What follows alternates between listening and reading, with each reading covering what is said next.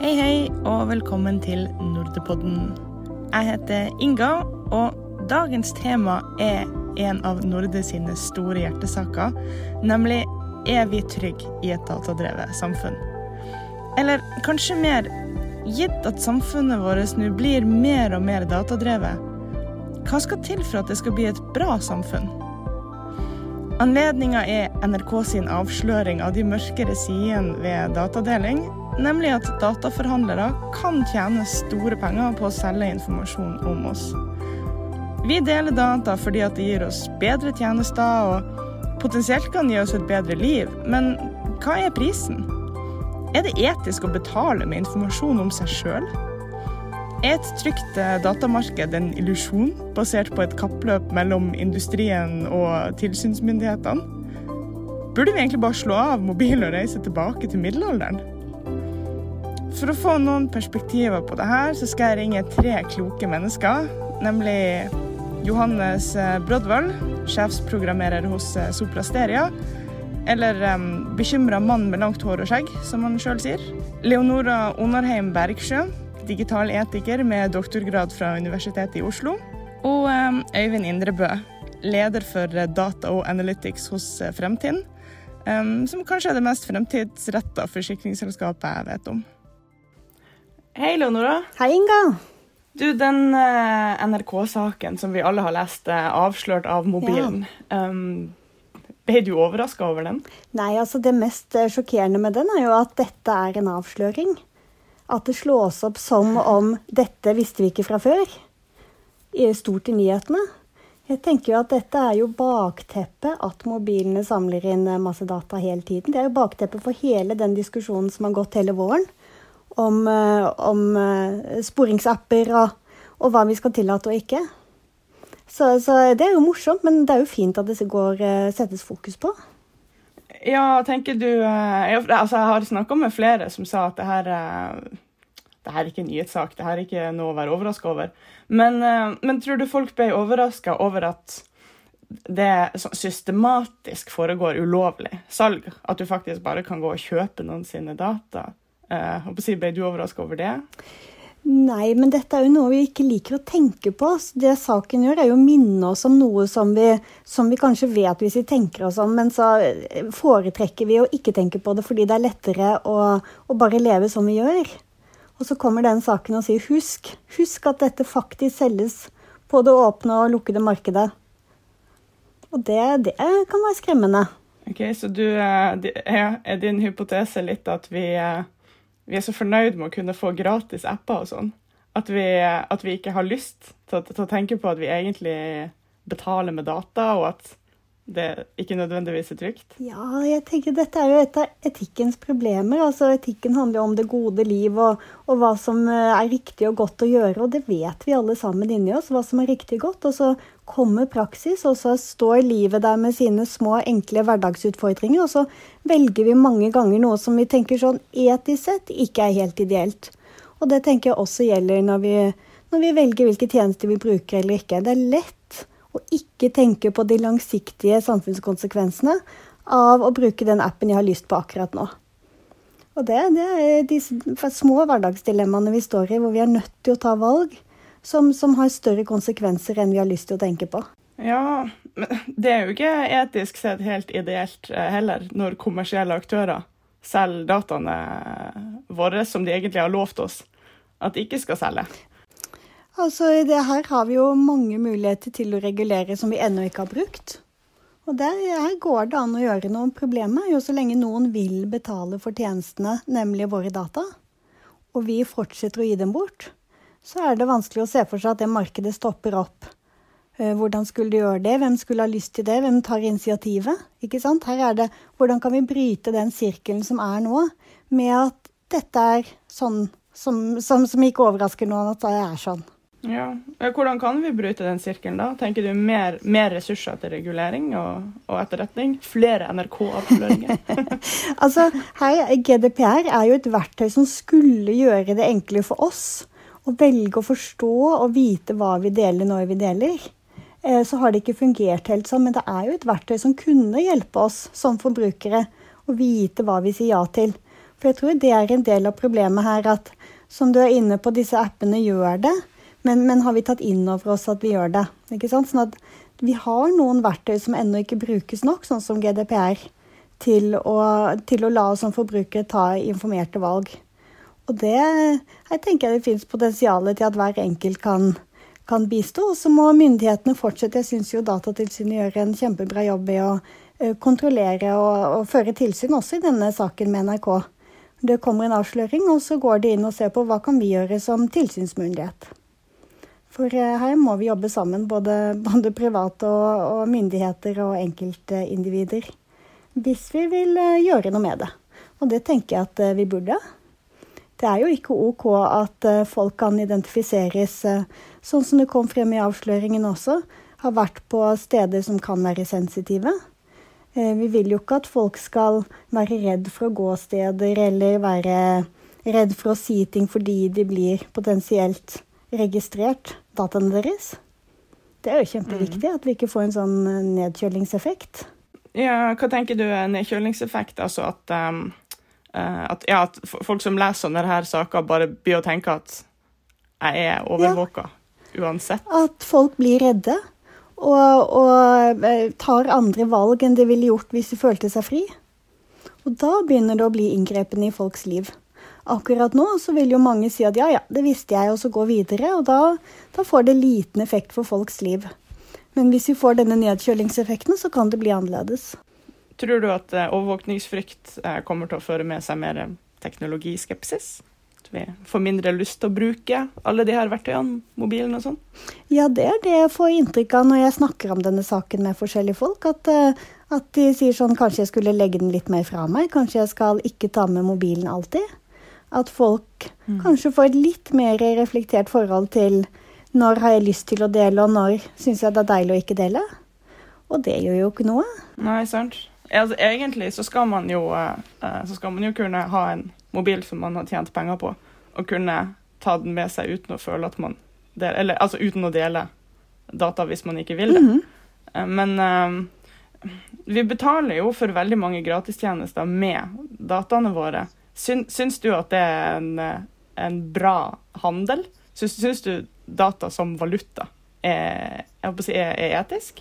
Altså det, det, fine med det er at alle har råd til det. Altså, dette er jo for så vidt utjevnende. Skulle det være noen en mulighet for å betale, så vil det jo bli nok en gang de privilegerte som eh, betaler, og, og, de som ikke er privilegerte, som betaler med dataene sine.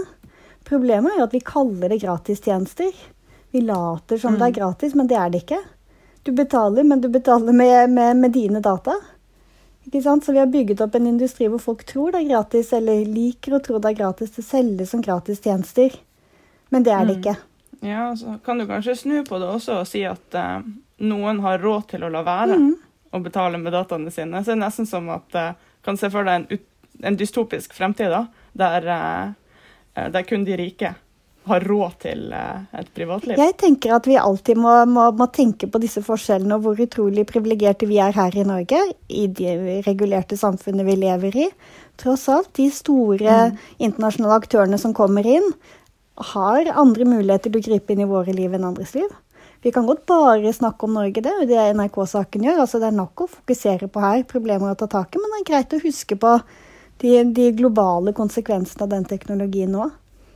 Og, og, hvordan vi også kan være med å beskytte eh, strukturer og samfunn hvor mange er mer sårbare enn vi er. Ja, for det her bringer oss jo litt inn på um, industrielle aktører som datainnsamler og dataeier, opp mot uh, f.eks. myndigheter og det mm. offentlige som datainnsamler og eier. Um, hva tenker du er den største forskjellen der? Altså på om, uh, om jeg gir dataene mine til Google, eller om jeg gir dem mm. til staten? Altså det, det, Den største forskjellen er jo at vi har valgt å gi myndighetene eh, monopol på maktbruk. Altså voldsbruk er jo i vårt system tillatt at myndighetene gjør, men ikke virksomhetene. Sånn at potensielt så kan data i myndighetenes hender få mye større konsekvenser for oss som individer enn de kan i industrielle aktører sine hender. Altså deres, eh, deres modell er jo å selge oss mer Og det kan man jo si at kan være dumt hvis man har en avhengighet eller noe, men, men i utgangspunktet er ikke det potensielt like truende som, eh, som, det kan være hvis en stat gjør det. Og så igjen da, så er vi kjempeheldige som bor i en stat. Jeg tenker at Erna får noen av mine, mine data. Det er helt OK. Jeg har tillit til henne. Men, men, eh, men vi vet jo fra historien at uh, selv i et demokratisk land så kan det komme nye regjeringer eller en krigsherre eller et eller annet, og så kan det bli annerledes. Sånn at her må vi sånn sjonglere hva som er sannsynlig, og som, hvordan modellene våre faktisk fungerer. Og, og hva som kan skje på litt lengre sikt. Ja, det er jo det aspektet med at du stoler på myndighetene, men du skal ikke være nødt til å stole på myndighetene. Men hvis Ja, som du sier, at historisk så har vi sett, og vi ser jo også nå i verden, hva som skjer når myndighetene eh, blir eh, totalitære og totalt autoritære, og eh, ender opp med å dominere over befolkninga på en veldig udemokratisk måte. Men um, er, vi, er, vi, litt mer redd for det fordi at det faktisk er farligere? Eller er det fordi at vi ikke har sett eksempler på maktmisbruk fra f.eks. Ja, industrien eller teknologigiganter? Um, altså, vi vet jo at f.eks. Facebook kan manipulere demokratiske valg. Um, men er vi, er vi, ikke like redd for det, eller er det ikke like farlig? Altså, mm. Har vi um, Ja, når vi gjør denne eh, avveiningen mellom industri og myndigheter som dataeier, hvordan tenker du på det? Veldig godt spørsmål. Her tenker jeg her må vi ha en løpende, løpende samtale. Når blir det farlig? Når har Facebook fått for mye makt? akkurat det du nevner med, med demokratiske valg, tenker jeg er et av de virkelig sårbare punktene våre. Altså hvor kommersielle aktører av kommersielle grunner plutselig kan ønske en regjering og ikke en annen, og så, og så faktisk ønske å, å, å, bruke den markedsmakten de har, til å selge inn én aktør og ikke en annen. Og der er vi sårbare på nett. Fordi dette er helt uh, uvant for oss hvordan teknologien kan manipulere oss. Og det er jo en av utfordringene at dette vet folk flest lite om, tenker lite om. Uh, hvilke muligheter man har teknologisk for å, å nudge. Ikke bare oss til å gjøre det mm. som er bra for oss, men også det som er bra for noen andre. F.eks. en kommersiell aktør. Tenker du at i en perfekt verden så hadde det fantes noe mellom stat og industri en plass? Altså noe som er demokratisk eh, styrt, eh, men som ikke har et maktmonopol over oss? Går det? Altså, det er langt ute i luftslottet. I en perfekt verden så hadde det ikke vært noen trussel at aktørene hadde alle disse dataene mot oss. ikke sant? Altså, det er, det er jo ikke det at de har dataene som er problemet, men det er hvordan de velger å bruke det. Sånn at i en perfekt verden så kan vi dele data og være trygge på at vi får flotte tjenester tilbake som er verdt å dele for. Både fra myndigheter og virksomheter. Er det fordi at i en perfekt verden så trenger ingen å tjene penger? Jeg tenker så, så, lenge, så, lenge, industrien trenger å tjene penger, så trenger de å, å selge ting. Og da, og da, er det liksom denne muligheten veldig fristende. Nei, jeg tenker i en perfekt verden så ønsker folk hverandre vel. Selvfølgelig vil de tjene penger, men, men, men, de vil ikke misbruke folk. Og dette er jo det som gjør det farlig, er jo, er jo akkurat dette misbrukspotensialet. Når er det det blir faktisk invaderende på en måte som er skikkelig usunn for den enkelte? Men, men, det er alltid morsomt ja. å tenke sant, hva, hva, er en perfekt verden. Men, men, uansett, i den verden vi lever nå, så er, det, er, er dette et problem og blir et økende problem. Og hva gjør vi med det? Hvordan vil vi at det skal være? Det er kjempeviktig å diskutere nå. Det er ikke for seint, men det er klart mye data er samlet inn allerede. Mange strukturer er på plass for, eh, for eh, innsamling og, og, bruk av dataene våre. Ja, hvis vi bare ser på hvor, uh, hvor utrolig bra uh, teknologigigantene gjør mm. det, Google, Amazon, Facebook, Apple, hele gjengen, så skjønner vi jo at uh, det er en helt vanvittig verdi i data. Hvis man bare får nok data og bare bruker den riktig. Um, men det her er jo en verdi som velferdsstaten, eller altså bare generelt våre samfunn, det nære, kunne utnytta på en god måte. Um, tenker du om avveininga der mellom verdien det kan ha for samfunnet, og så risikoen det er potensielt på personnivå? Eh, jeg håper jo at aktører, kommersielle aktører vil jobbe tettere med myndighetene fremover. Og myndighetene også vil bry seg mer med denne datainnsamlingen, sånn at vi får eh, samarbeid som er drevet av verdier som ikke er da eh, penger, men samfunnsverdier. Verdier for hele samfunnet. Sånn at, eh, sånn at vi får tatt ut det potensialet som er da, i teknologien for å faktisk skape et bedre samfunn. Jeg tror jeg det er kjempepotensial. Ja. ja. At vi tenker litt større rundt verdibegrepet, mm. egentlig. At vi ikke, ja, ikke bare de økonomiske verdiene. Rett og slett at det med verdiskaping har mye større potensial når det kommer til teknologi, enn den veldig reelle, som du også er inne på, faktiske kjempeverdien som er eh, i, i aksjestiging og, og ren kapital. Men hvis vi nå bare tenker at eh, okay, vi, vi, lever i et datadrevet samfunn. sånn har det blitt. Uh, tenker du at vi kan være trygge i et datadrevet samfunn, eller, eller, er det her for stort og vanskelig for oss? Ja, altså Jeg, jeg tenker at det, med, det, er, det er verken farlig eller, eller trygt. Altså Datadrevet betyr jo bare hvordan verdiene samles inn. Og så er det hvordan de brukes som, som er det avgjørende. Det, det, er like trygt og statistisk sett mye tryggere sånn vi lever nå enn sånn det har vært. Men, men, men, hvordan vi går videre nå, er det viktige. Hva gjør vi nå som vi har dette datadrevne samfunnet? Hvor, hvilke modeller vil vi bygge ut for utnyttelse som gjør at det fortsetter å være trygt? Hva, OK, til slutt, da. Hva, hva, hva burde vi gjøre nå? Altså både enkeltmennesker og, og, og sjefene og politikerne. Hva, hva, er dagens go do? Dagens go do er å snakke om dette i lunsjen, diskutere med folk. Finne ut hvordan kan vi planlegge hva vi vil dele. Hvordan kan vi, kan vi bli, ha et mer bevisst forhold rundt at, eh, at, dataene våre samles inn? Hva betyr det for meg? Og, og, og også det viktige spørsmålet har jeg lyst? Til å være med på en samfunnsutvikling som har flere verdier, eller, eller tenker jeg at dette er helt OK for meg? Her må jo hver enkelt ta et valg på, på hva slags samfunn vi ønsker å leve i fremover. Vanskelige spørsmål. Mm. Derfor man må ta det med i diskusjonen med vennene sine, med folk man omgås. Finne ut hvordan vil vi at dette skal være. Hva er go-doen til uh, digitaliseringsministeren, da? Eller altså distrikts- og digitaliseringsministeren? Ja, det er jo å utvide samarbeidet med, med flere aktører. Her har staten, tenker jeg, vært altfor lite på ballen med å prøve å finne løsninger. Vi har jo fantastiske muligheter både i, i den dugnadsånden. Folk er villige til å være med på verdiløft. Det har vi jo sett nå i koronatiden. Og, og, næringen er kjempeinteressert i å få til bra løsninger.